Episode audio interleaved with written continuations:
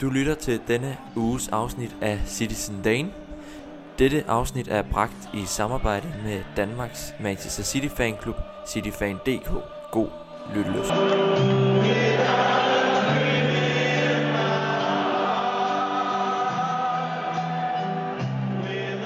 Det er med stor glæde i stemmen, at jeg kan åbne op for en ny sæson af Citizen Dane. For alt imens City åbnede deres sæson mod Leicester i weekenden, så skyder vi her i podcasten sæsonen i gang i dag. Vi skal snakke kort om Citys reservepræget trups nederlag til Leicester.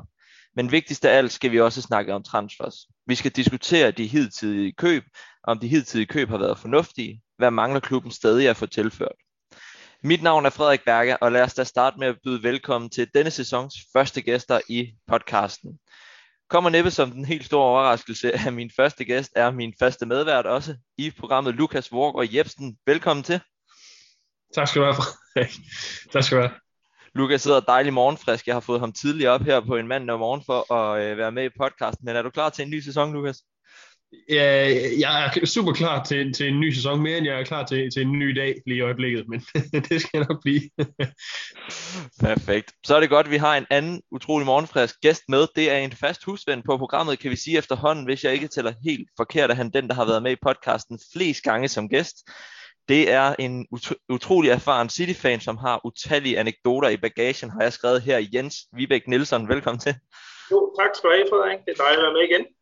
Og er du også øh, fået lavet batterierne op her over sommeren og er klar til endnu en god City-sæson? Ja, det er jeg. Jeg var virkelig knust efter CL-finalen, men jeg synes, det har været godt, at der har været både en lang sommer og lidt EM, man har kunne tænke på noget andet. Så jeg er helt klar nu. Hvad har været din, øh, dit højdepunkt i den her sportssommer, Jens, hvis jeg lige må smide den presbold over til dig? Ja, men det er helt klart, at Danmark klarer sig så fint til EM, og at øh, mange af vores City-spillere også klarer sig rigtig godt. Øh, det, man kan være lidt bekymret over, det er, at de også, også tabte en EM-finale, vores øh, City-venner der. Så det kan, det kan måske godt dræne dem lidt her til sæsonstart. Du var vel også ude at se en masse fodbold til sommer, Lukas, med det, det, det danske Dannebro på brystet?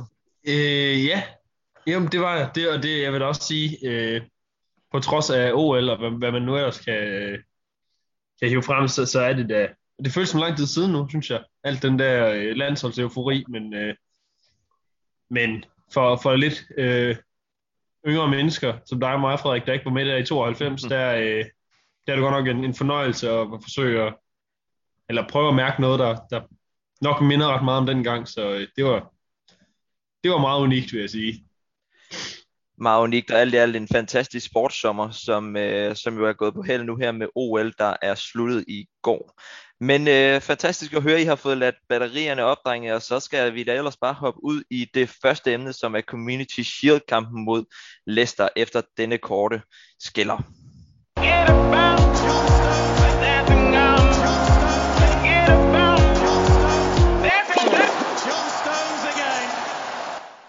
Som tidligere nævnt blev sæsonen skudt i gang med et ærgerligt 1-0 nederlag til Leicester lørdag aften. Men hvad fik vi alligevel med fra kampen? Viste de unge øh, spillere deres sande potentiale, og viste de, at vi kan regne med dem, hvis vores førsteholdsspillere bliver skadet?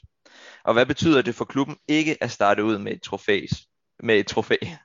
Og lad os da bare starte fra toppen og høre dig, Jens. Øhm, den her lidt mærkværdige ja, første kamp på sæsonen, som egentlig nok mere minder om en træningskamp. Øh, hvordan var det, hvad var det for en kamp, vi, øh, vi, vi så der? Jamen altså, u- øh, uagtet at den jo ikke betyder noget andet, end det er en træningskamp med et flot trofæ, så synes jeg, jeg synes jeg trods alt, at jeg havde ikke nogen forventninger, da jeg skulle se kampen, men alligevel var jeg faktisk ret skuffet, da, da kampen var slut. Jeg synes ikke, det var et City-hold, der var klar på nogen måde. Og nu må I ikke tro, at jeg sidder og skælder City hedder herfra, fordi det, det er jo, sæsonen er ikke startet endnu, og vi havde øh, et halvt hold ude. Øh, men jeg synes, der var en slap indstilling. Jeg synes faktisk, der var nogle spillere, som vi har brug for nu, øh, fordi vi, vi, vi har en række spillere, der først kommer tilbage i den her uge. Der var nogle spillere, der virkelig var, havde en bekymrende indstilling, virkede drænet. Der var mange personlige fejl. Jeg synes, øh, jamen selvom det var en opvarmningskamp, så var jeg faktisk utrolig skuffet. Men der er selvfølgelig nogle familieomstændigheder i og med, at det, at de største spillere kommer tilbage i den her uge, og det kan give dem en, øh, en salt, saltvandsindsprøjtning til de øvrige spillere. Men jeg synes, det var, det var en bekymrende indsats, synes jeg, øh, overordnet set. en bekymrende indsats, Lukas. Selvfølgelig også taget forbehold, at det, halvdelen af holdet, som Jens siger, er ude, og vi spillede med to unge spillere, de færreste nok havde hørt om, hvis man ikke fulgte med på ungdomsholdene. Øh, er du også bekymret for den sæson, der, der starter om øh, ikke ganske længe? nej, nej, det er jeg ikke. Øhm, altså, jeg, jeg vil give Jens ret. Altså, det, det virkede lidt som om, at, at det, de skulle bruge øh, en halvleg på at finde ud af, at de ikke spillede mod Blackpool på akademistadionet. Men at det rent faktisk var Leicester, der rigtig gerne ville vinde en fodboldkamp. Øh, og ja, det, der, der, de havde bare et højere energiniveau, og var mere, øh, selvfølgelig også et hold, der, der var mere, kommer til at ligne mere det, de spiller med i Premier League, også, så, så altså, de var vel favoritter, da, da vi så holdopstillingerne, men stadig, der, der var godt nok holdt op på mange, mange fejlafleveringer og misforståelser. Øh, det var næsten det værste ved det, synes jeg. Og specielt fordi de kom fra spillere som altså Fernandinho. Jeg ved ikke, hvad han lavede. Han havde godt nok mange boldtab i løbet af den kamp. Han så, han så øh, meget forvirret ud. Træt endda. Og øh, ja, det, nu har de en uge til at gøre sig klar til Spurs, og spillere kommer tilbage og sådan noget. Vi skal ikke lægge mere i det end som så, men det var mest de der personlige fejl, som der var helt vildt mange af, som man sad og kløede lidt i hovedet over. Ja, og jeg, jeg kunne godt tænke mig, Jens, jeg havde også skrevet ned her, at det nok også var en meget forventelig reaktion efter hele den her EM-sommer, som vi, øh, vi snakkede om i løbet af introduktionen her. Men, øh, men kunne man ikke også, du har lidt svaret på det allerede, men prøv at sætte et par ord på det her, hvad den her EM-slutrunde og den korte ferie har betydet for det her hold, fordi Pep Guardiola har jo allerede været ude nu og kritisere UEFA og FIFA for ikke at give spillerne den pause, de skal have. Øhm, kunne du godt frygte lidt af den her meget øh, voldsomme fed fede for os andre sportssommer kommer til at kostholde lidt på den, øh, på den korte bane? Ja, det kunne jeg faktisk godt, altså, fordi at det er altid vanskeligt at starte efter en slutrunde. Sådan er det altid. Men øh, jeg, jeg tror aldrig, vi har set en, og det snakker vi også om sidste gang, jeg var gæst her, at det, var jo en, det havde jo været en fuldstændig vild Premier League-sæson, som havde lagt et knaldhårdt pres på spillerne.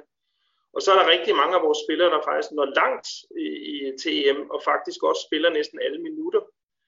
Øhm, og jeg kan, godt, jeg kan godt frygte, at de ikke er klar til en sæsonstart om, på søndag mod Spurs, og der faktisk skal gå noget tid, også fordi det har sat sig i hovedet på dem, at de har tabt en Champions League-finale og en EM-finale. Det er altså to store finaler, der er tabt.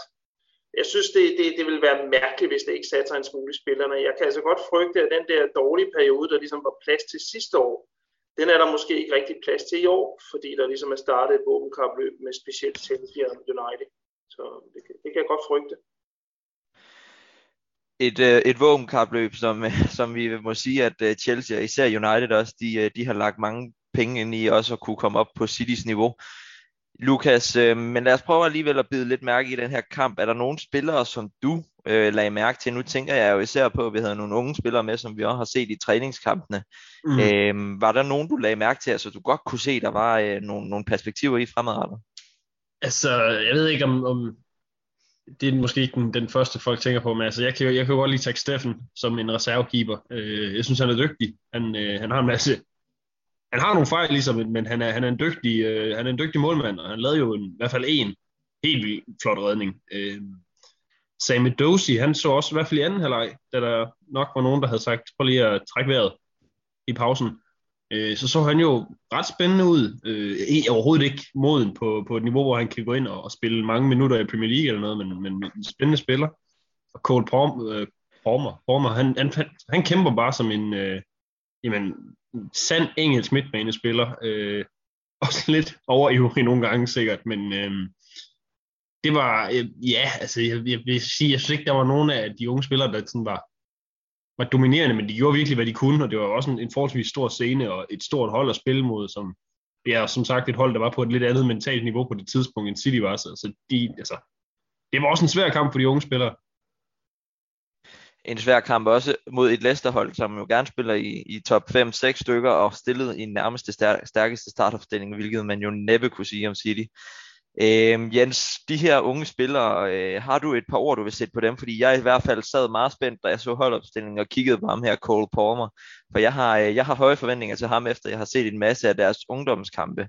Øh, jeg ved ikke, om du også blev mærke i ham som sådan, ikke fordi han leverede nogen pragtpræstation, men øh, mere den indstilling, som Lukas også fremhæver.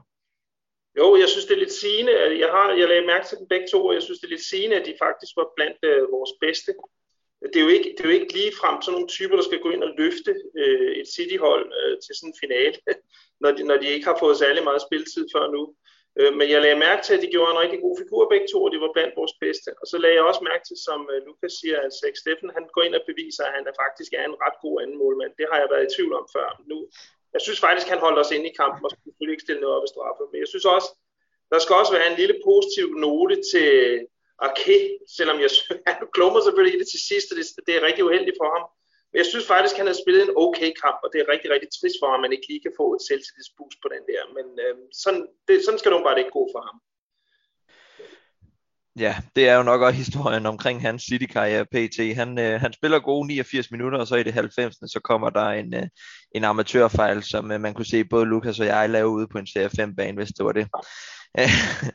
men, øh, men ellers lad os prøve at bide lidt fast i, øh, i den her præstation også, Lukas, og så prøve at, at, at høre dig. Hvad, altså igen, det er jo også svært at sidde og analysere det her, når vi mangler øh, alle de store spillere, men er der nogle specifikke ting, du tænker, at det her, det skal altså bare lige ud og, og fikses? Du nævnte blandt andet nogle, nogle fejlafleveringer og nogle, øh, noget miskommunikation mellem spillerne inden, øh, inden sæsonstarten på søndag.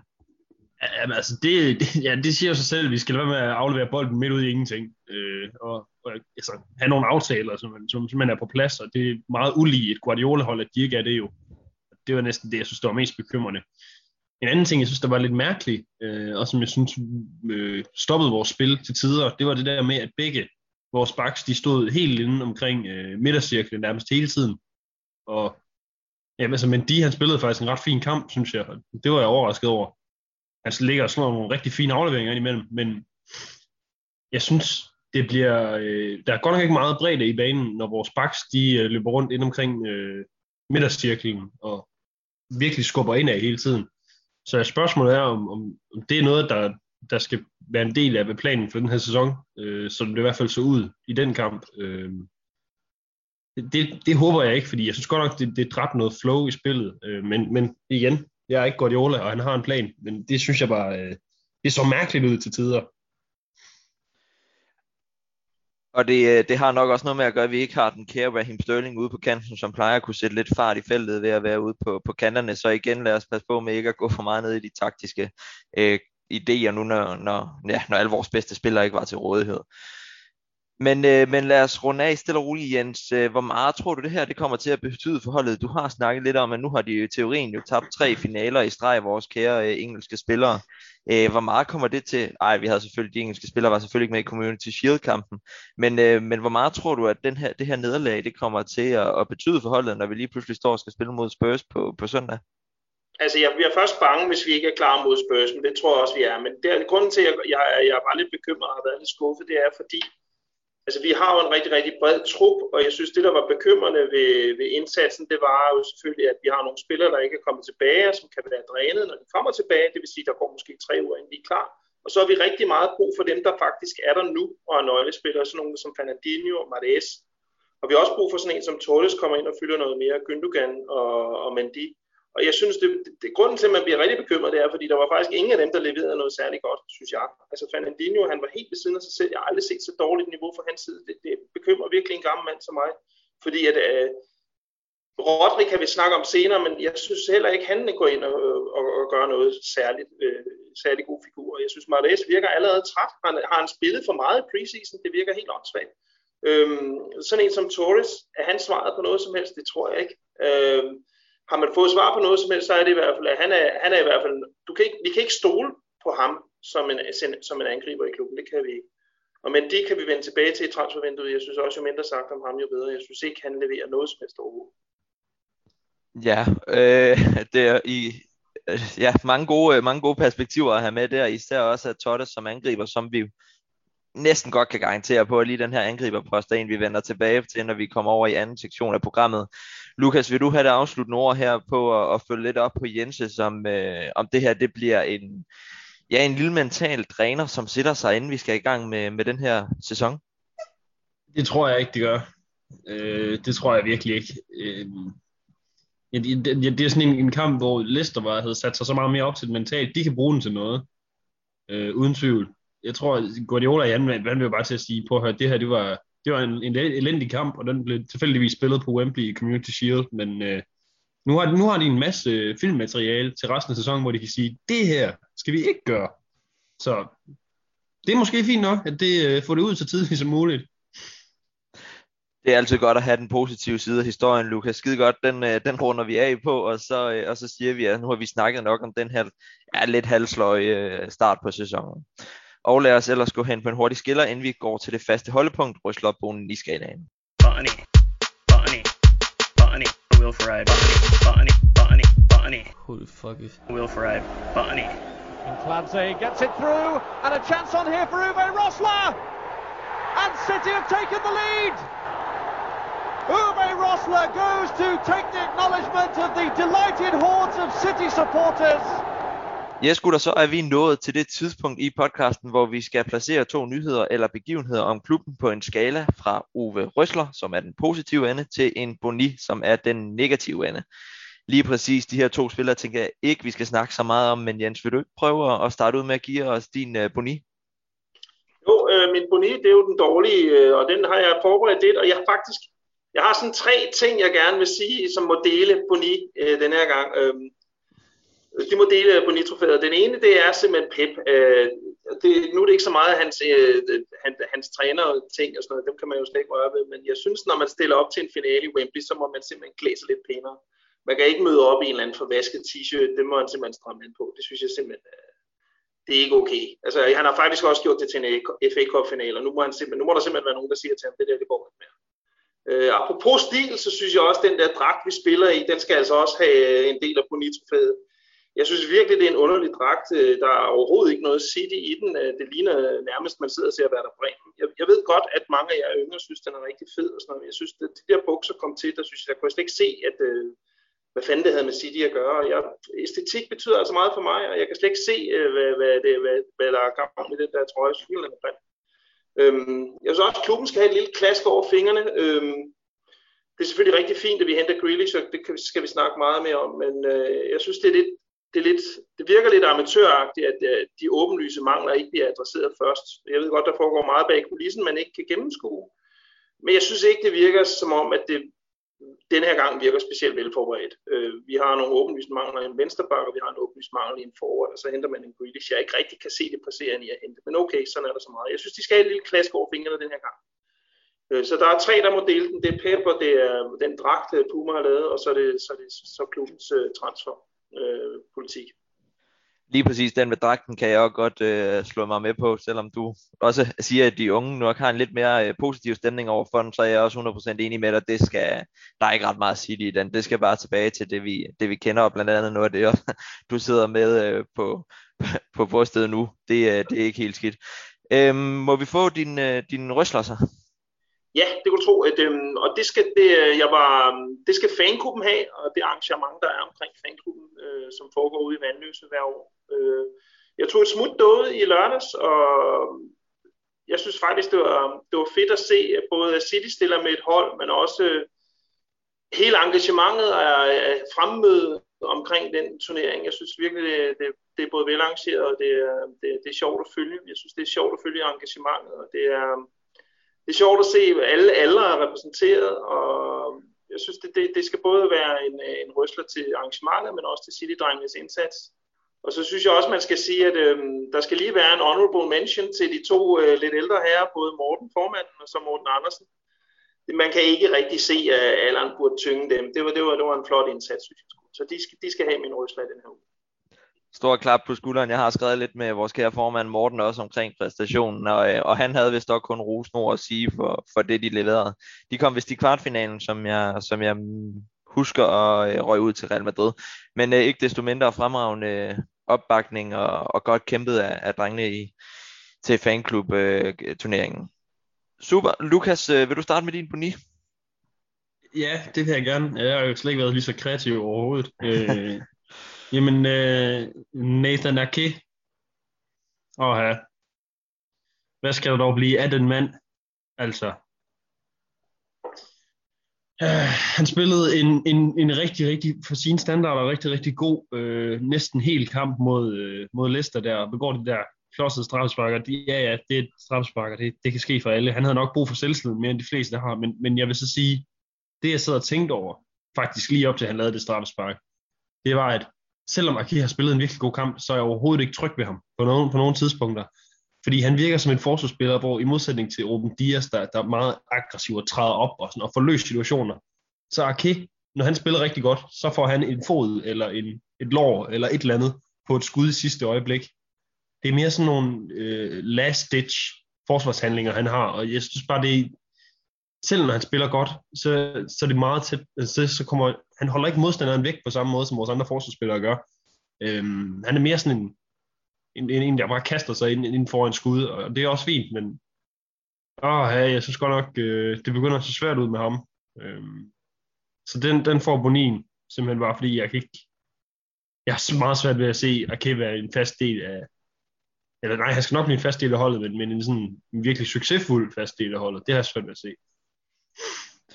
Og det er nok også en af dem, vi kommer til at, at snakke med om i, i næste halvdel af programmet, hvor vi også skal snakke om, der er mul- muligvis nogle andre, der, der er på vej ud af holdet. Men, øh, men lad, super, lad os prøve at få din øh, røsler, Lukas. Hvem skal også råde det? Jeg giver den til Benjamin Mendy, for jeg er uenig med Jens. Jeg synes faktisk, han gjorde nogle rigtig fine ting i den kamp. Øh, specielt hans afleveringer. Jeg synes, øh, altså jeg er lidt på samme måde med Mendy. Jeg har det lidt, det, det er lige meget, hvad han foretager sig. Så tænker jeg, at det her, det, det kommer nok ikke til at gå særlig godt. Men han slog nogle fantastiske afleveringer i den kamp. Jeg synes, han arbejdede godt. Øhm, og så er det også bare fordi, jeg ved ikke, man ved jo, at han er en vældig figur øh, i, blandt spillerne og i klubben. Og han virker som en, en, en god mand, altså, så jeg, jeg ønsker ham virkelig det bedste. Øhm, også selvom jeg tvivler på, at han har en stor fremtid i City, så jamen altså, det, det, det har del med ikke været, været sjovt for ham at være, være City-spiller, fordi det har jo mere eller mindre bare betydet at være skadet. Så, så han får, når han, nu hvor det endelig skete lidt godt, så, så, så kan han også have den ros. Og så for første gang i podcastens historie, tror jeg faktisk, at vi, at vi smider en positiv note af sted mod Benjamin Mendy. Jeg ved ikke, om du vil, vil svare hurtigt på den her, Jens. Jamen, jeg synes, det er fair nok. Altså, jeg, jeg har jo ikke, jeg synes jo også, at han er en, han er en venlig og sympatisk figur. Jeg synes bare, det er, ikke, det, kan ikke, det er ikke nok. Altså, det er ikke tilstrækkeligt. Jeg synes heller ikke, at hans indsats var tilstrækkeligt til at overbevise mig om, at han er Øh, svaret på den venstre bak. Så nej, jeg synes, altså, nu må det være på tide. Jeg synes faktisk, allerede sidste sæson skulle vi have gjort alt for at skifte med sted. Men altså, en venlig figur og sympatisk, det er han da helt sikkert. Super, og jeg vil lige smide en hurtig røsler ind i, uh, i puljen også her til sidst. Øhm, ren og skær, fordi jeg er lidt misundelig. Lukas og jeg bor begge to i Odense og kan følge med på vores gode Facebook-side omkring, hvor, hvor gode I er til over i København at mødes på, på Shamrock, og jeg så, I var derinde også i, uh, i lørdags til kamp mod Leicester, eller der i hvert fald var et arrangement derinde, så jeg vil gerne smide en, øh, en røsler afsted mod vores uh, København-afdeling. Jeg ved, at, at Aarhus også er gode til at se kampene sammen, og uh, jeg har da et lille håb om, at Lukas og jeg sammen kan, kan prøve at se, om vi kan få stablet et eller andet på benene i Odense, så vi slipper for at sidde og se kampene alene. Det, øh, det gør det altså noget sjovere at sidde og se det sammen. Så, så stor skud ud til i, i hvert fald Simon, som jeg ved står meget for det, men også alle jer, der, der dukker op, som også lidt af dig jo, Jens. Men, øh, men den, øh, den, den vil jeg lige smide afsted, og Boni har jeg ikke noget negativt til det. Det lod jeg jer tro om at tage. Super, drenge. Tak for, for budene, og så uh, lad os hoppe på en hurtig skiller, indtil vi går over til, ja, det vi, øh, vi alle sammen nok har set mest frem til at snakke om. Hi, it's Benjamin Menji, and I'm here to help you to grow your own Instagram accounts. Så skal vi til det helt store emne. Et emne, vi City-fans bruger en stor del af vores sommer på, nemlig transfers. For hvad mangler der i truppen? Har vi formået at hente det nødvendige ind allerede, eller skal vi satse på, at de sidste huller fyldes ud inden den 1. september? Og lad os da for en god ordens skyld lige starte med at kortlægge, hvilke aktiviteter der har været hen over sommeren. Nu nævner jeg bare op. Ud er gået Angelino, Harrison og Enmicja. Og de har sammenlagt blevet solgt for cirka 40 millioner pund. Ind tror jeg alle sammen ved, hvem der er kommet. Det er den gode Grealish og Carson. 100 millioner pund har det kostet klubben. Når jeg, øh, når jeg nævner det her op for dig, Jens, øhm, ja, har det så været et succesfuldt vindue PT, eller øh, mangler der stadigvæk lidt for klubben? Du har nævnt det lidt før. jeg, synes, jeg synes, der mangler meget. Altså, det er jo ikke fordi, at jeg er ked af, at Grealish er kommet, selvfølgelig, men uh, øh, selvfølgelig er jeg rigtig glad for det. Og jeg er også rigtig glad for, at man har fået noget mønt i kassen for nogle af de unge spillere, som man alligevel ikke uh, har brugt eller kommer til at bruge. Så så langt, så godt. Og, uh, altså, jeg, som jeg snakker om før, Grealish er jo virkelig en fed transfer, men var det virkelig den position, vi stod og manglede en spiller til? Det synes jeg egentlig ikke, det var. Øhm, og jeg synes, ja, igen, det, jeg synes, det virker lidt uforberedt, jeg synes, det virker lidt tilfældigt. Det er selvfølgelig, der kan falde rigtig mange ting på plads nu. Der, der er tre uger, hvor man kan handle. Men det er bare lidt irriterende, at det altid skal vente til sidste øjeblik, før øh, truppen er sådan helt på plads, og der er man jo faktisk allerede godt i gang med sæsonen. Øh, jeg synes, det er lidt irriterende, at vi ikke har adresseret de der åbenlyse mangler, vi har med en venstre bak og en forward. Og jeg synes, det kan vi vende tilbage til senere, men jeg synes også, at vi mangler en, en defensiv midtbanespiller, øh, hvis vi skal helt op og altså have en komplet trup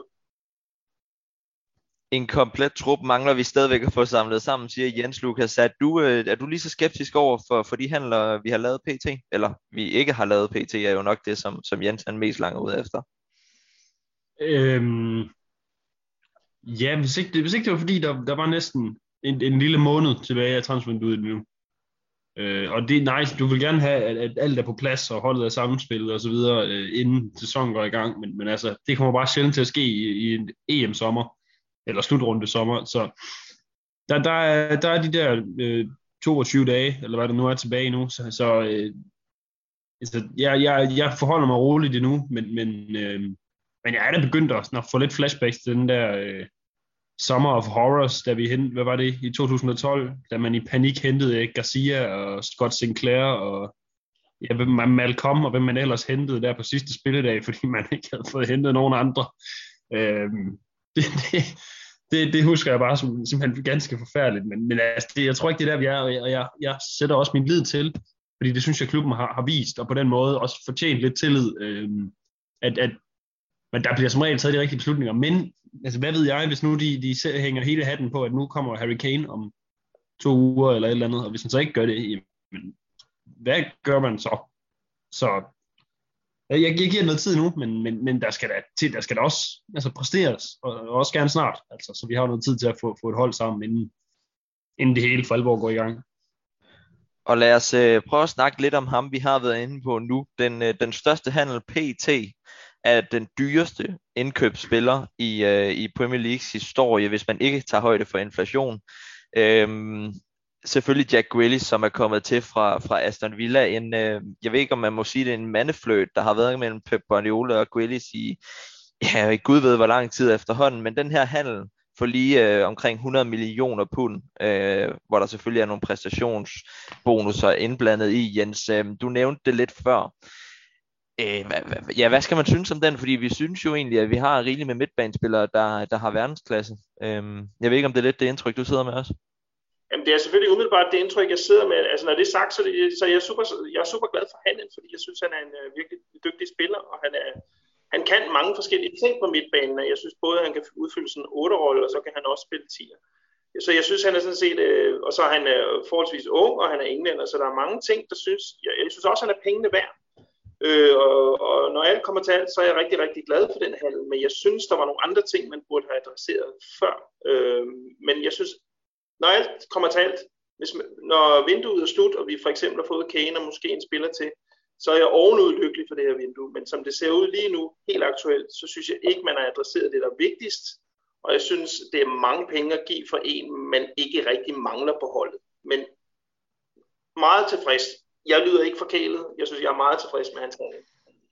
Det var bestemt heller ikke for at lyde forkælet, at jeg stillede et lidt mere kritisk spørgsmål, men nærmere også fordi, som du selv nævner, at det er jo en position, hvor vi har spillere som Phil Foden, Bernardo Silva, Gündogan, Kevin De Bruyne, man kan jo nærmest blive ved, ikke? Øh, men som man selvfølgelig også skal have med, Lukas, det er jo nogle spillere, der efterhånden, selvom vi ikke vil det, begynder at komme lidt op i årene. Gündogan øh, er vist rundet de 30 nu, og han, øh, hans skadeshistorik, den bliver jo ikke mindre og mindre for hver sæson, der går. Så, så Grealish måske egentlig en, en god idé at få en, en ung, øh, er han 4 eller 25 år i englænder ind i, i truppen? Altså, ja, det, er, eller, nu lød jeg sådan lidt øh, tøvende eller tilbageholdende. Altså, ja, det er mega fedt, vi har fået Jack Grealish. Han er, super, super spiller, utrolig alsidig også, og øh, altså, kan også på, det er også en spiller, der, der var anfører i Aston Villa, ikke også, på trods af at være 25 år, det, det er altså ikke, det er ikke, det er ikke bare en, en god engelsk spiller, det, det er en af af Premier Leagues måske mest indflydelsesrige spillere. Øhm, 100 millioner, det, det, ja, hvad skal man sige, det er åbenbart bare sådan, sådan det er nu i fodbold, så ja, det virker helt sindssygt, men okay, det er, hvad det er. Øhm, han skal jo nok få spilletid, han, og jeg tænker, han ret, ret, ret med det samme hurtigt kommer ind i det hele. Øh, som du siger, vi har nogle spillere, der kommer lidt op i, kommer op i alderen, men altså, det kommer vi også til at snakke om, tænker jeg. Altså sådan en som Bernardo Silva virker jo ikke rigtig som en spiller, der kommer til at være i klubben, når, når, øh, øh når sommeren er overstået. Så på den måde, så er der nogle pladser der. Og, og derudover, men så fordi Grealish, han kan forskellige ting. Altså, lad os nu sige, Jesus, han også smutter. Måske en byttehandel med Kane, hvem ved. Altså, jeg tror, Grealish, han kan, jo, han kan jo blive spillet jamen, altså, overalt på den sidste tredjedel af banen i virkeligheden. Så jeg, jeg synes, det, det er et godt køb. Jeg, jeg glæder mig helt vildt meget til at se ham, og han virker som en, en meget, meget, øh, i hvert fald for en, for en professionel fodboldspiller, der har haft så meget opmærksomhed, meget ydmyg og nede på jorden. Øh, og så er det også bare godt, at han har den der forbindelse til de andre engelske spillere. Så han kan, jeg, jeg, tror, han, jeg tror hurtigt, han kan komme i gang til. Der selvfølgelig er nogle ting, der lige skal på plads, og et nyt spilsystem og sådan noget, men øh, jeg, jeg glæder mig helt vildt til at se Jack Grealish for alvor i klubben. Jeg synes, jeg synes det, det er et virkelig godt køb, på trods af de mange penge. Og jeg må nok også blankt erkende, at jeg var, har ytret mig lidt mere kritisk over for den her handel, øh, især på Twitter, hvor jeg er blevet sat lidt på plads af den gode Søren Langelund, vi kender, øh, som også øh, som har nogle gode pointer i og med, at, at ja, jeg, jeg havde jo nok også det lidt stramt, ligesom du Jens, med at jeg synes, det var mange penge at bruge på noget, når vi havde to så store problemer i en, i en venstreback og en angriber, hvor jeg synes, pengene måske kunne blive brugt lidt bedre. Øh, men lad os sige, at, at de spillere, vi lige har snakket om nu, de ryger, så, så er der selvfølgelig også lidt på bankbogen igen. Plus at vi skal jo heller ikke undervurdere, hvor mange penge man får ind ved at, at komme i finalen i Champions League og vinde Premier League og, og alle de her sager, ting og sager.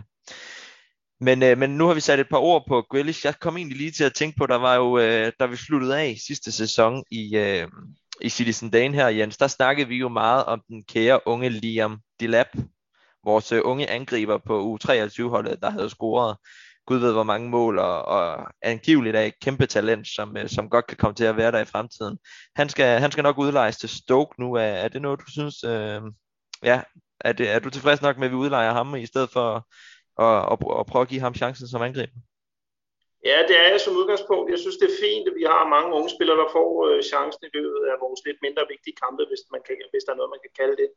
Men øh, reelt så tror jeg altså ikke særlig meget på det der med at udvikle egne talenter, øh, og så, som så skal blive stjerner i den klub, de har været i livet. Altså, jeg tror, Foden er undtagelsen, der bekræfter reglen der. Også selvom vi tidligere har rost det Dosi og Parma. Jeg synes, at vores ejere skal have stor ros for at prioritere området, men jeg har fulgt fodbold i en menneskealder, og de bedste klubber har altid købt øh, altså spillere fra andre klubber, der var, der var deres bedste. Altså sådan er det bare, og den tendens er ikke blevet mindre i de senere år. Og jeg synes, jeg synes ikke, jeg har set noget for de lat, der kunne retfærdiggøre, at han skulle træde ind på Agueros plads på holdet. Jeg tror, han kan bygge til sit niveau ved, ved at faktisk at blive udlejet til Stoke, hvor hans far var en legende. Så det, jeg synes faktisk, det er en rigtig god løsning for både øh, de lat og også, at han kommer til Stoke. Så må vi se, om det kan hjælpe ham eller ej. Det må vi få at se. Det er, det er jo nok også mere den her romantik, som vi har snakket om tidligere, ved at man, øh, man forhåbentlig får nogle, nogle af de her ja, unge spillere op, som en øh, Cole Palmer, vi har, vi har snakket tidligere om også, der kan spille en rolle for klubben, og som, øh, som på mange måder bløder Manchester City, fordi de har været op igennem ungdomsakademiet, ligesom øh, Phil Foden. Nå, drenge, nu, øh, nu skal vi til det helt store. Øh, Kane, jeg, jeg siger bare navnet nu, Lukas, så kan du få lov til at putte et par ord på ham, fordi det er jo den helt store øh, transfersaga den her sommer, Kane til Manchester City. Du, øh, du har også brugt din øh, sommerferie hi til at skrive til mig et par gange, om, øh, om jeg troede, af, hvad jeg tænkte omkring den handel og sådan, men vil du ikke prøve at putte og berige vores lyttere med, hvad du tænker omkring hele det her med Kane til Manchester City? Ja, men det, altså, det, det er jo det, er jo det, det her transfer, du går ud på. Altså, det, det er jo det er den ene vanvittige historie efter den anden, og Harry Kane er udeblevet fra træning, og Harry Kane siger, nej, jeg er ikke udeblevet fra træning, og altså, det, det, er jo, det er jo lidt, jeg synes bare, det er lidt sjovt, fordi det, altså, det er simpelthen et cirkus uden lige, øhm, og hvad der er op og ned lige nu, jamen, altså, hvem, hvem ved det? Fordi der bliver sagt og skrevet så meget, og altså, jeg tror godt, vi, vi ved, at Harry Kane han gerne vil væk. Vi ved nok også, at han gerne vil til City, og vi ved også godt, at City gerne vil købe ham.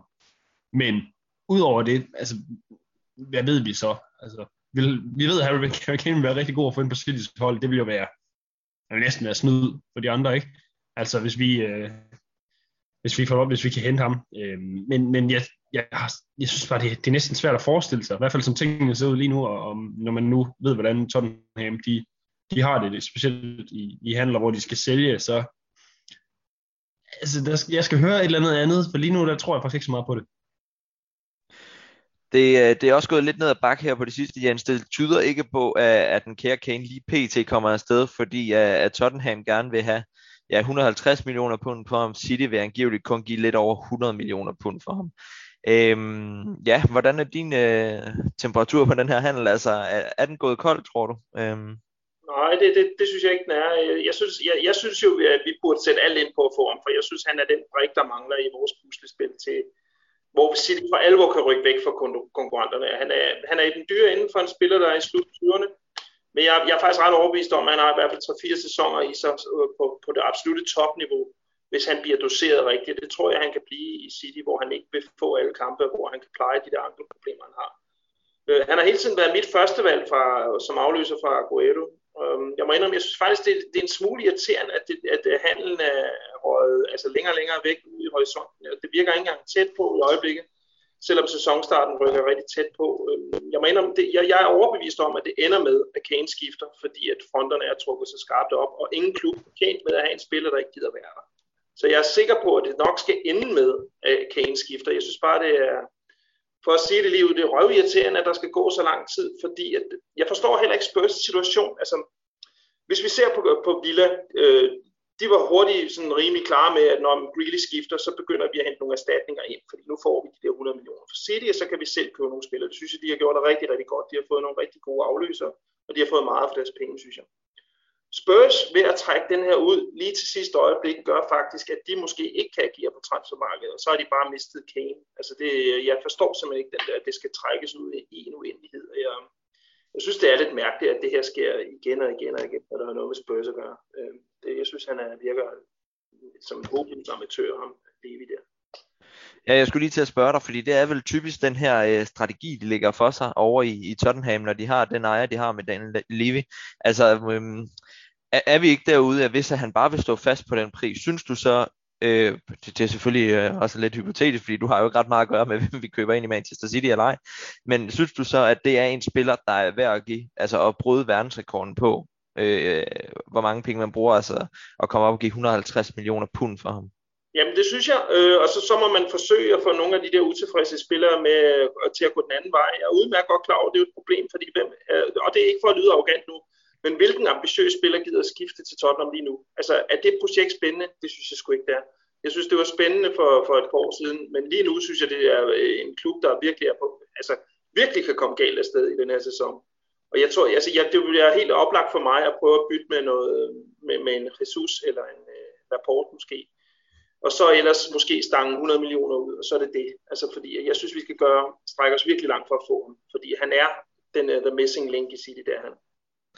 The Missing Link, Lukas, du hoppede lige hurtigt ud, men nu er du tilbage, så nu, uh, nu, nu The Missing Link i City. Um, man kan jo også have det perspektiv på, at øh, om et års tid, så kan vi købe en kære nordmand i, uh, i Dortmund for 60 millioner pund i stedet for, og det er altså en, uh, en ung spiller, der har betydeligt flere år at, at løbe på en Kane har. Er, er, er det ikke værd at tage en sæson, hvor man så øh, må, ja, vi er jo vant til det efterhånden, spille uden den, øh, den rigtige angriber, og så hente ham øh, til 60 millioner pund, i stedet for at give 150 millioner pund for en øh, lige knap 30-årig englænder.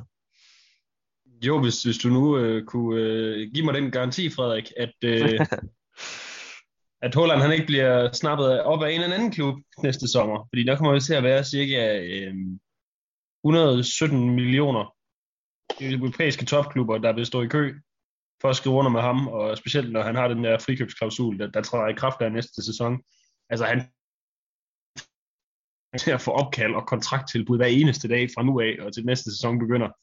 Øh, så tør man satse på, at det lige er os, der er de heldige vinder der,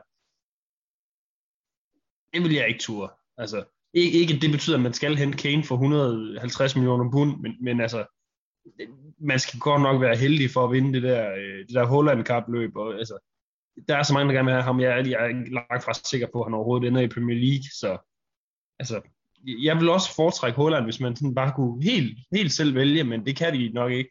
Og, og Harry Kane, jamen altså, der er stadig i hvert fald tre gode, fire gode, fem år måske går tilbage ham, ikke? Altså, og, og vi ved bare, hvad han kan jeg tager det gerne, men, men det er bare det mest de der priser lige nu, der, det, det bliver så vanvittigt, øh, at vi skal op og, og bryde 100 millioner pund to gange på, på en måned eller et eller andet, men det er åbenbart sådan der. Ja, sådan er det åbenbart blevet i dag, og det er selvfølgelig også vigtigt at huske at, at, at tage inf- højde for inflation og sådan noget, så øh, jeg mener faktisk, at øh, kan man lige hurtigt sende et skud ud til Søren Langelund, der havde lavet et post på Twitter omkring det, at City, øh, Grealish er ikke engang i top 5 over de dyreste transfers, hvis man tager, øh, tager højde for inflation, eller var det top 10, fordi øh, at den kære Rio Ferdinand til United i tidernes morgen var væsentligt dyrere i, i nutidens penge. Men, men det, er jo også, øh, det er jo også det spørgsmål, altså Jens, hvis, er, hvis vi skal hente en Kane til, til lige knap 150 millioner pund igen, du har nævnt det, så bliver vi jo nødt til at sælge ud, og, og der er tre spillere, vi skal sælge ud af, går rygterne i hvert fald på, det er en Laporte, en Bernardo Silva og en Gabriel Jesus. Hvis de tre for, forlader klubben, er det så noget, du vil være yderligere bekymret over, eller øh, ja, hvordan vil vi stå efter de tres afgang? Det vil jeg ikke være bekymret over, fordi for det første, så Bernardo har udtrykt ønsker om at komme væk, og jeg kan godt forstå, altså jeg vil godt knytte på positive ord på ham, fordi jeg har altid godt kunne lide ham, og jeg synes, han er, han har altid givet 100%, og han har været en, både en slider for os, og så har han været en gudsbenået boldspiller i, i en og samme figur. Han er en rigtig ægte little big man, og jeg vil altid huske ham for den der vanvittige indsats, han lavede, da vi mødte Liverpool i januar 19, og som egentlig afgjorde mesterskabet. Det var, det var, altså, det vil jeg altid huske ham for. Men øh, altså, han vil selv væk, og jeg kan godt forstå, at han er presset ud i klubben. Han var allerede presset på spilletid i sidste sæson, og nu er Grealish kommet til. Jeg tror, at det vil være rigtig godt øh, at få ham væk. Problemet er, at han, vil, han ønsker ikke at, at skifte til en anden engelsk klub. Han ønsker at komme tilbage til det lidt varmere himmelstrøg, og jeg tror, han er tæt på Atletico. Jeg vil heller ikke være ked af, hvis Laporte forsvandt. Han er faktisk en spiller, der irriterer mig mere og mere, må jeg sige. Altså, jeg synes, øhm, altså hvad skal Pep gøre? Jeg forstår godt, at Laporte er utilfreds, fordi det var egentlig ham, der var tiltænkt rollen med at få være leder i forsvaret. Men Pep, han spiller med de bedste, og sådan som det er nu, der er Dias og Stones bare et niveau over ham. Og, og jeg synes, han selv skal bevise noget, i stedet for hele tiden at blive sur. Altså det, det, han, han kan jo godt skifte landshold, hvad jeg øvrigt også synes er mærkeligt, at man kan. Altså, fordi man ikke kommer på det franske landshold. Ebbe, ebu, så skifter jeg bare til det spanske. Altså det, det virker også sådan lidt forkælet på en eller anden måde. Det, det skal i hvert fald med i den der bog, jeg er ved at skrive om alle de ting, jeg ikke forstår. Men øh, jeg, jeg synes, øh, det vil ikke røre mig, hvis han bliver solgt, fordi jeg synes ikke, jeg, jeg er faktisk sikker på, at han er en af dem, der godt kunne bidrage negativt til stemningen i truppen, og det vil Bernardo aldrig gøre. Jesus vil jeg være lidt ked af at miste, fordi han, er, han har vist sig at være sådan en en teamplayer på den gode måde. Så ham vil jeg være ked af at miste, men jeg vil godt kunne forstå, at han vil, øh, vil væk. Øh, måske også, at Tottenham har hans niveau, jeg ved det ikke. Så jeg vil, en god opsummering og jeg vil være, være ked af Bernardo, men jeg forstår godt, at han vil væk, og Laporte, han må godt forsvinde for min skyld, og Jesus vil jeg også være en smule ked af. Ja, netop Ressus øh, bed jeg egentlig lidt mærke i, fordi jeg synes, at sådan rent logisk set er det da lidt mærkeligt, at han vil forsvinde fra en klub, der i teorien ikke rigtig har nogen angriber. Øhm, jeg ved godt, at, Guardiola har en tendens til at spille med en falsk nier i form af en anden midtbanespiller, men, men lad os da bare sige, at han rammer et nogenlunde niveau, Lukas, så, så står han da lige pludselig meget klart som første angriber, hvis det er, at vi ikke formår at hente en anden angriber ind. Gør vi ikke? Jo, det skulle man synes. Øhm, men igen, det, det er hvad han ved ting, vi ikke gør. Måske er han bare træt af regnvejr, det ved jeg ikke. Altså, der, det kan være så mange ting. Øhm, altså, jo, lige med Jesus, jeg synes, det, altså, du, du, er den, altså, du er klart den eneste altså, angriber, topangriber, vi har lige nu. Det, det virker lidt mærkeligt, men fred være med det. Altså, jeg, jeg, jeg tror egentlig, jeg har det på samme måde som Jens i forhold til, til de her, altså, Bernardo, jeg vil sige, Bernardo Silva også, altså, han har godt nok været fedt bekendtskab, men, men på den anden side, det er også bare, han, hans topniveau og bundniveau, der er godt nok langt imellem. Øhm, og selvom han kan have nogle fantastiske kampe, så kan det også bare være i 10 kampe eller noget, hvor, hvor der ikke rigtig er så meget slutprodukt for ham, så han har virkelig været en vigtig del af klubben, men, men jeg har det fint med, at, at han gerne vil prøve noget andet nu. Og Laporte, han virker, al, ja, han virker øh, ærligt talt som, som en, der, der kan gøre mere skade end gavn, som Jens også siger. Øhm, det jeg mest tænker på, det er, det er, hvad så hvis vi sælger ham? Skal vi så have en ny centerback ind, eller er det Nathan Ake og hvad hedder han, Philip Sandler, er det ikke det, han hedder? Ham der, hans hollandske kammerat der. Er det dem, der skal nu være vores, øh, vores backup duo så? Fordi så begynder jeg at svede lidt i håndfladerne, tror jeg. Men, men ellers så, ja, vi skal også bruge nogle penge til, ligesom, hvis vi skal have det der gain og det gør, ikke, det gør ikke noget med lidt fornyelse, og, og jeg tror også, den der Champions League skuffelse sidste år, det, det, det ruskede også lidt, lidt i holdet, og, og man tænker sådan, okay, er det her, og så må man sådan øh, finde sig til rette, både som, som, som hold og som enkeltspiller. Så jeg synes, der, der er noget perspektiv i, at vi sælger, eller vil sælge de spillere, vi gør der, og selvfølgelig, hvis de er utilfredse, så skal, så skal man jo ikke have dem. Så det fungerer ikke. Og, og lige netop det, du nævner der, øh, Lukas, det er også noget af det, jeg tænker, Jens. Øh, fordi hvis vi nu skipper den gode rapport afsted, som jo, vi jo ikke må glemme for to sæsoner siden, så var det ham, vi sad og roste øh, højeste skyerne for at være en af de bedste midterforsvarer i verden. Øh, så står vi lige pludselig, som, øh, som Lukas nævner, med, med en backup, der hedder Sandler og, og Ake. Det, det kommer vel ikke til at gå i sådan et stramt kampprogram, som City får. Så skal vi vel ud og hente en ny øh, centerforsvar med, med det stramme der, kampprogram, der kommer, der kan vi selvfølgelig ikke altså, lade stå til, hvis Laporte forsvinder, fordi at, som du selv siger, han er en rigtig dygtig forsvarsspiller, og han er, han er rigtig god at have i truppen. Jeg er godt klar over, at hans eget selvbillede er, at han skal selvfølgelig spille, men øhm, altså, der bliver vi nok nødt til at gå ud og handle en øh, centerback, hvis der. Jeg tror ikke, vi skal regne med Ake og med Philip Sandler der, det tror jeg ikke. Øh, det, er ikke det, det er ikke godt nok ikke godt nok. Og så tænker jeg vist også, vi har, vi har sagt nok om de, de kære to hollandere, fordi øh, er det ikke Champions League, man vinder med de to, men, øh, men de virker som to sympatiske fyre, så, så lad, os, øh, lad os bare dvæle ved det.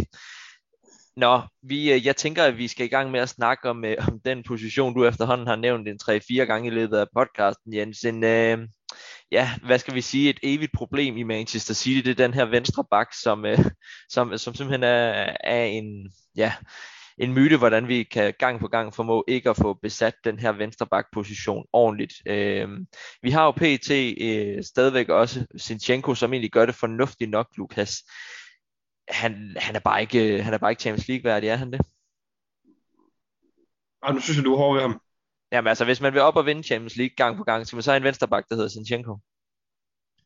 Det, nej, det skal man nok ikke. Det skal man nok ikke. Men altså, han var jo, han var jo god mod, øh, mod Paris, altså i semifinalerne. Øh, ja, jamen også igen, det er, det, der, det er hele den der balance i, altså hvad, øh, vi kunne rigtig godt bruge en ny venstreback, men, men er, der, er der pengene til det?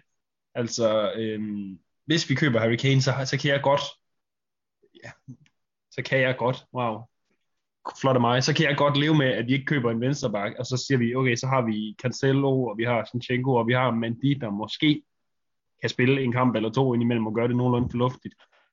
Så, også bare fordi jeg ved ikke helt, hvem det skulle være. Altså, der, der, der var nogle rygter om, er det Grimaldo eller et eller andet, der skulle, måske skulle, men altså, nu, nu har det også bare været sådan her et stykke tid, og jeg, jeg har hele tiden savnet en ny venstreback, men nu tror jeg bare, at jeg er sådan at komme to terms with it. Altså, det, det er dem, vi har, og, og så skidt er det heller ikke. Ej, ja, det var bestemt heller ikke for at være, øh, være negativ omkring Sinchenko. Jeg elsker ham som spiller, og også en af mine yndlingsspillere i klubben. Men, øh, men som venstreback, han er jo oprindeligt offensiv midtbanespiller, Jens. Det gør jo også, at der er de her defensive mangler, som vi ser i nogle topkampe, i hvert fald, hvor han har, har stået nogle mareridskampe over for en Salah. Øh, det er der jo et mange, der har, så, så intet ondt om det. Øhm, ja, jeg tænker, jeg tænker jo også i høj grad, at det en position, vi ikke kan lære at overleve med, hvis det så er, at vi skal ud og bruge de her 150 millioner pund på Kane. Øh, vil du så ikke også øh, kunne overleve en sæson med, ja, vi har jo også en, en Cancelo, der kan spille venstrebakken. Jo, jeg synes, det er gode pointer. Jeg synes også, han skal, jeg synes øh, også, Sinchenko skal også have kado, fordi han sluttede faktisk sæsonen af og spillede rigtig flot, og jeg synes, han, øh, han viste måske, at når jeg, altså, måske er han faktisk svaret på det. Jeg synes også, han havde en god slutrunde til EM. Øh, jeg synes, han er, men som du siger, han er nok mere øh, venstre midt, end han er venstre bak. Men jeg synes, jeg kunne godt, også fordi at Raul kan, kan dække den der venstre bakke af, så jeg, jeg, er ikke, jeg er ikke fuldstændig skræmt over, at vi ikke kan stille en venstre bakke, der er kvalificeret. Jeg forstår bare ikke, at man ikke har adresseret problemet, når det nu har været tydeligt længe. Men jeg synes efterhånden, der viser sig nogle flere presserende problemer end lige den venstre bak. Jeg vil godt kunne gå ind i sæsonen og så være nogenlunde tryg ved Sinchenko og Cancelo derovre. Og med Mendy, som måske kan få en par liga kampe når det er. Men altså, jeg er egentlig mere bekymret for Fernandinhos øh, niveau og ham, der egentlig er købt til at afløse som Rodri. Altså, ja, den, den er jeg egentlig mere bekymret over efterhånden. Jeg synes ikke, vi har en rigtig holding defensive midfielder det øjeblikket, der er kvalitet over, det må jeg sige. Jeg synes, hvis, hvis det var niveauet, Fernandinho ligger fra her med, til kommende sæson, og Rodri er den eneste backup, vi har, så, så, er, jeg, så er jeg faktisk mere utryg ved den position øh, i øjeblikket. Ja, det synes jeg faktisk også var et, øh, et emne, vi kunne tage højde for, for det er ikke et, jeg har skrevet i mit kære manus her, fordi jeg havde jo egentlig lidt en anden forestilling omkring øh, uh, Rutte. Jeg synes, han var, han var svag i starten, øh, af sin City-karriere, men altså hvem er ikke svag, når man lige starter med at komme til, til Premier League og skal dække op som defensiv midtbanespiller, men jeg synes faktisk, han kom godt efter det, og især lærte at lade være med at buse op, så der kom det der kæmpe rum mellem midtbanen og, og forsvarsspiller Lukas. Øhm, den her mid, defensive midtbanespiller, det er en Rodri, der kun er, er han 23-24 år, eller sådan noget 22-23 år. Så, så der er vel også noget at, at løbe i med ham. Øh, jeg, jeg, jeg er måske ikke lige så, lige så negativt stillet over for ham, som, som Jens måske lyder. Og det tror jeg heller ikke, jeg er. Altså, jeg vil, jeg vil nok øh, lige køre den her. Altså, vi har jo Fernandinho et år mere nu, ikke? Eller næste, til næste sæson her. Og der vil jeg nok sige, så er det næste sommer, vi, øh, vi, vi kigger på det her problem øh, igen med, med, med henblik på, på, hvad der nu ellers skal ske på transfermarkedet. Ikke? Øh, det, det er meget det, altså. Jeg vægter det op mod, fordi jeg, jeg kan godt se, hvad, hvad Jens mener. Øh, men igen, det der med, skal vi have Kane, så kan vi nok ikke hente til eller et eller andet. Altså, det, øh, det kommer ikke til at ske, så, så, så den, den kan, ligesom den til Venstrebank, så kan jeg godt lade den ligge, tror jeg, en sæson, for, for, for så ja, at kunne hente en af, en af verdens bedste angriber. Ja, vil du svare på den hurtigt, Jens? Ja, det vil jeg godt. Altså, jeg, jeg, jeg er med på, at man venter, fordi at det, selvfølgelig skal Fernandinho også lige have mulighed for at rejse sig efter en præstation. Men jeg synes, det, det der er bekymrende ved Rodri, det er, at jeg er helt med på, at han startede elendigt. Altså, jeg synes, det er ikke godt nok at sige, at han var, var på niveau. Altså, han var vores rekordkøb på det tidspunkt, og han var simpelthen decideret elendig. Og øhm, så spillede han sig en smule op i sidste sæson, og jeg synes, han var meget god. Øh, han var, ja, han var okay i starten af sæsonen, og så synes jeg faktisk, at hans niveau faldt øh, drastisk hen mod slutningen. Og jeg synes, det der er bekymrende ved ham, det er, jeg, jeg ved, at dem, der forsvarer ham, de siger, at han har jo så gode stats, der er jo så mange interceptions og så mange afleveringer. Jamen det, der er med ham, det er, øhm, de afleveringer, der er, de er aldrig fremadrettet, og de er max over 5-6 meter. Så det, altså, man kan ikke, det er virkelig et godt eksempel på, at man ikke altid kan bruge statistik. Altså, det er virkelig ubrugeligt nogle gange, specielt når det er noget med ham at gøre. Altså, jeg synes, jeg synes det, der, det, det der kendetegner ved Rodri, det er, jeg synes, det, det er rigtig bekymret ved, det er, at han altid, eller tit, kommer til at bringe sine medspillere i en dårligere position, end de var før. Og det er, det er meget sigende, at det faktisk var ham, der bragte Arke i den situation. Jeg er godt klar over, at det er Arkes skyld, og han skvatter, og han er klodset. Men det var egentlig Rodri, der bragte ham i den situation. Og det, det, er, bare, det er bare meget sigende for den rolle, han udfylder i, i, i klubben. Jeg synes ikke, han beskytter de andre godt nok. Han er virkelig ved Gud ikke nogen Fernandinho, men jeg er med på, at vi venter et år på at adressere det, fordi Fernandinho skal også have mulighed for at rejse sig. Og det skal Rodri selvfølgelig også. Men så synes jeg også, det er sidste chance, han får Rodri. Og så har han også været i klubben i to år, så skal man også begynde at kunne, kunne vise det stille og roligt. Øhm, men igen, jeg synes også, man skal passe på med ikke at være for hård ved dem hurtigt, når de er unge. Vi så jo også blandt andet, hvor svær en første sæson Sané havde, da, da han kom til klubben, og ja, guderne skal vide, at han kunne godt finde ud af at spille fodbold til, til sidst i sin City-karriere. Øhm, ja, så, så, så øh, den er adresseret nu. Jeg, jeg tænker, vi venter et år med at, at diskutere, om vi skal have en ny defensiv midtbanespiller, Jens, og så sætter vi kigger den efter en, en Kane og en, øh, måske en venstre bak, ellers så, øh, så nøjes vi øh, med, med Sinchenko, som egentlig også øh, ligger en hederlig indsats for dagen. Drenge, jeg tænkte, at det var, øh, vi er nået hele vejen rundt. Øh, jeg, er der nogen af jer, der har noget på faldrebet, øh, vil have med til, til transfermarkedet i City? I begge to ryster på hovedet. Så, øh, så, er vi, så er vi nået meget godt rundt, tænker jeg. Og så lad os på en hurtig skiller, inden Lukas han har forberedt os en lille quiz. Manchester City are still alive here. Balotelli, Aguero!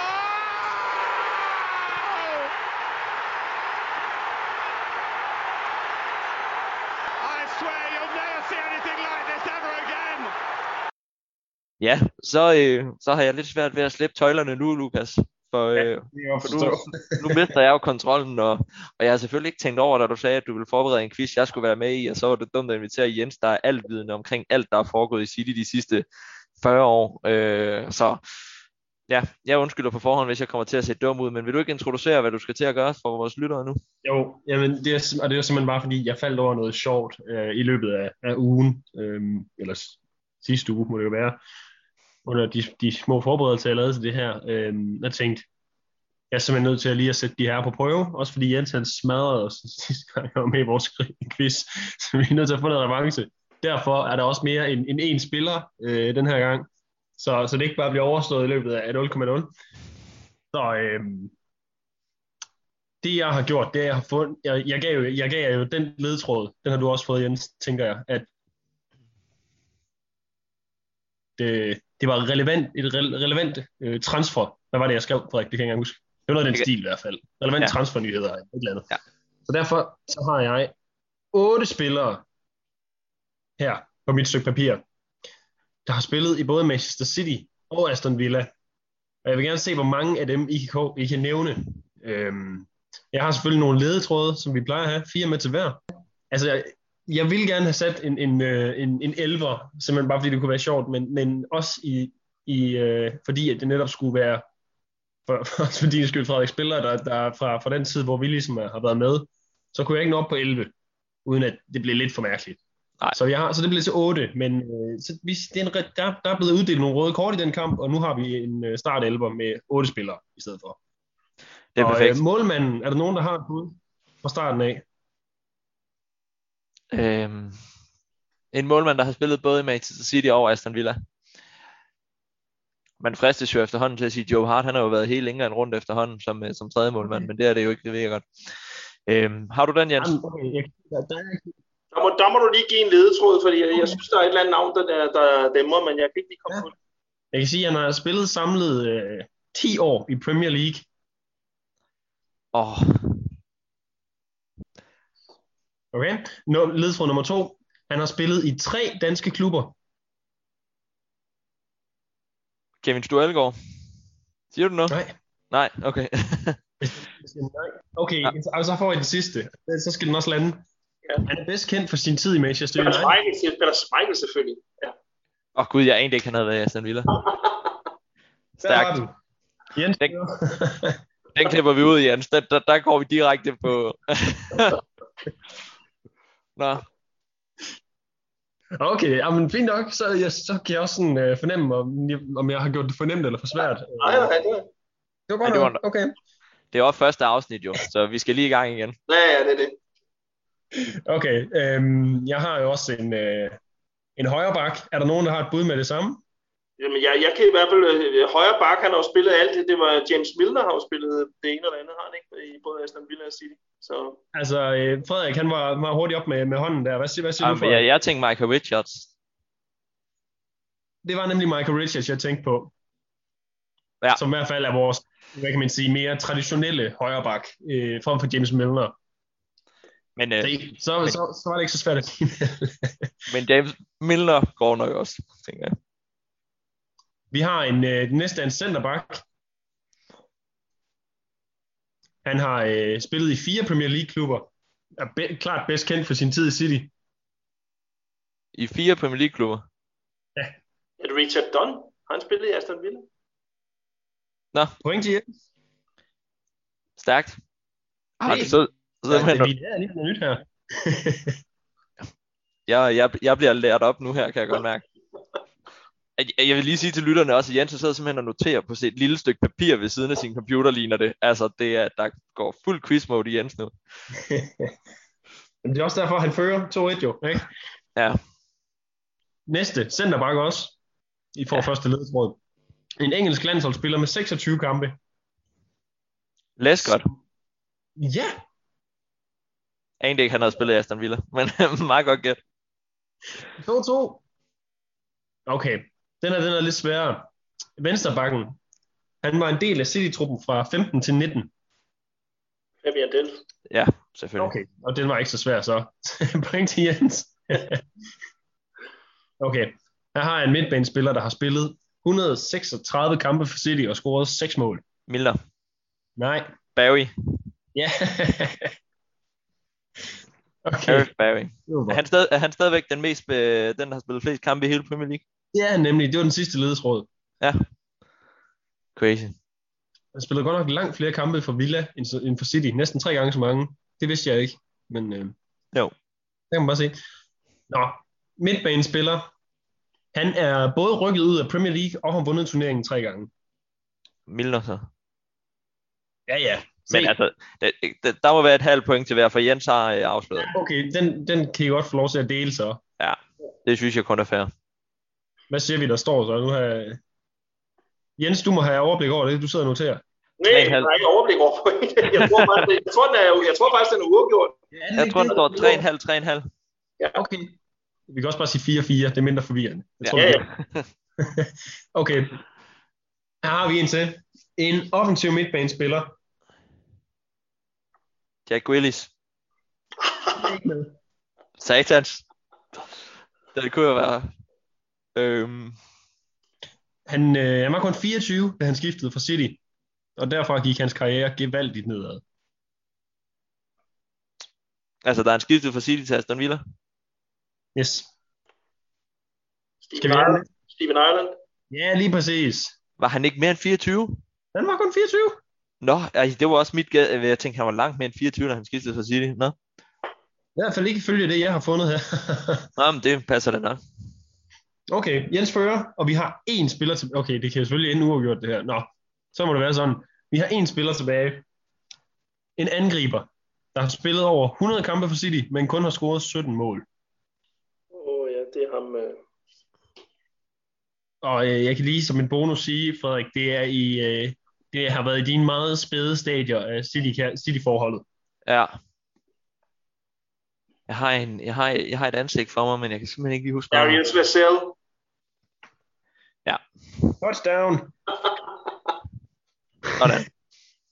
Og det var fortjent. Der var den, Jens. Sådan der. Det var en, øh, en flot tomålsejr, du, du endte med at hive hjem der. Det var en sejr i sig selv, kun at tabe med to, to mål til Jens i sådan nogle Ja, quizzer her.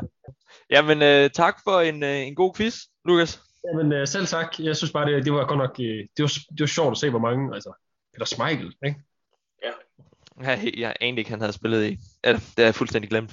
Øhm, Jeg har, jeg har fortrængt, at han har spillet i City, så det... Øh, ja. Åh, ja. Men, øh, men det er altid skideskægt. Det er, det jeg glæder mig til at komme tilbage i quizstolen i, i næste uges afsnit også, øh, Lukas. Så kan du få lov til at sidde og, og være den, der får sved i håndflader. Ja. Nå, drenge, det, øh, det blev en god times tid til med, med en masse god snak om, om City. Først et nederlag, så transfer, og der til sidst øh, en, en god quiz mod Jens, som, øh, som man fristes til at sige, Jens selvfølgelig slog os i igen. Det bliver, det bliver skønt en gang at, at kunne vinde over ham. Drenge, jeg vil, jeg vil starte med at sige tusind tak øh, for, at du lige tog en time ud af din arbejdsdag, Jens, for at sidde og snakke øh, City med os her og øh, i første afsnit af øh, 21-22 sæsonen velkommen. Jeg, skulle det være en anden gang, Frederik, det ved du. du ved, at du, øh, du får nok en besked i løbet af, af sæsonen, og så, så, og så er vi på den igen. Lukas, så er vi i gang. Så er vi friske. Nu kører vi. Det, ja, altså, hvor bliver det da spændende. Det, det, var, det er bare rart at være tilbage igen. Jeg synes godt, at jeg kunne, jeg har kunne mærke et, et City-abstinenser her den sidste måneds tid, så, øh, så det er godt, nu begynder der at ske noget igen. Se, min kæreste har været træt af, at jeg skulle snakke City med mig nu, så jeg tror, hun er glad for, øh, at jeg kommer ind og snakker det med jer øh, nu. Men øh, Lukas, tusind tak for i dag. Vi, øh, vi snakkes jo i næste uge, efter vi jo selvfølgelig har vundet over Spurs. Øh, Spurs. Spurs. Øhm, til alle lyttere derhjemme kan jeg bare ønske en øh, rigtig god uge, og så husk at sidde klar ved fjernsynet i weekenden, eller selvfølgelig komme op og se det i byen sammen med folk, så man sidder i sin City-trøje sammen og se kampen mod Spurs i weekenden. God uge alle sammen.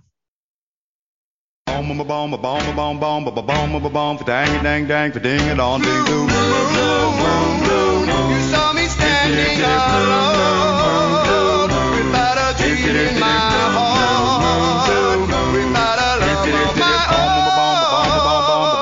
bong, dang dang dang, ba ding a dong ding, blue moon.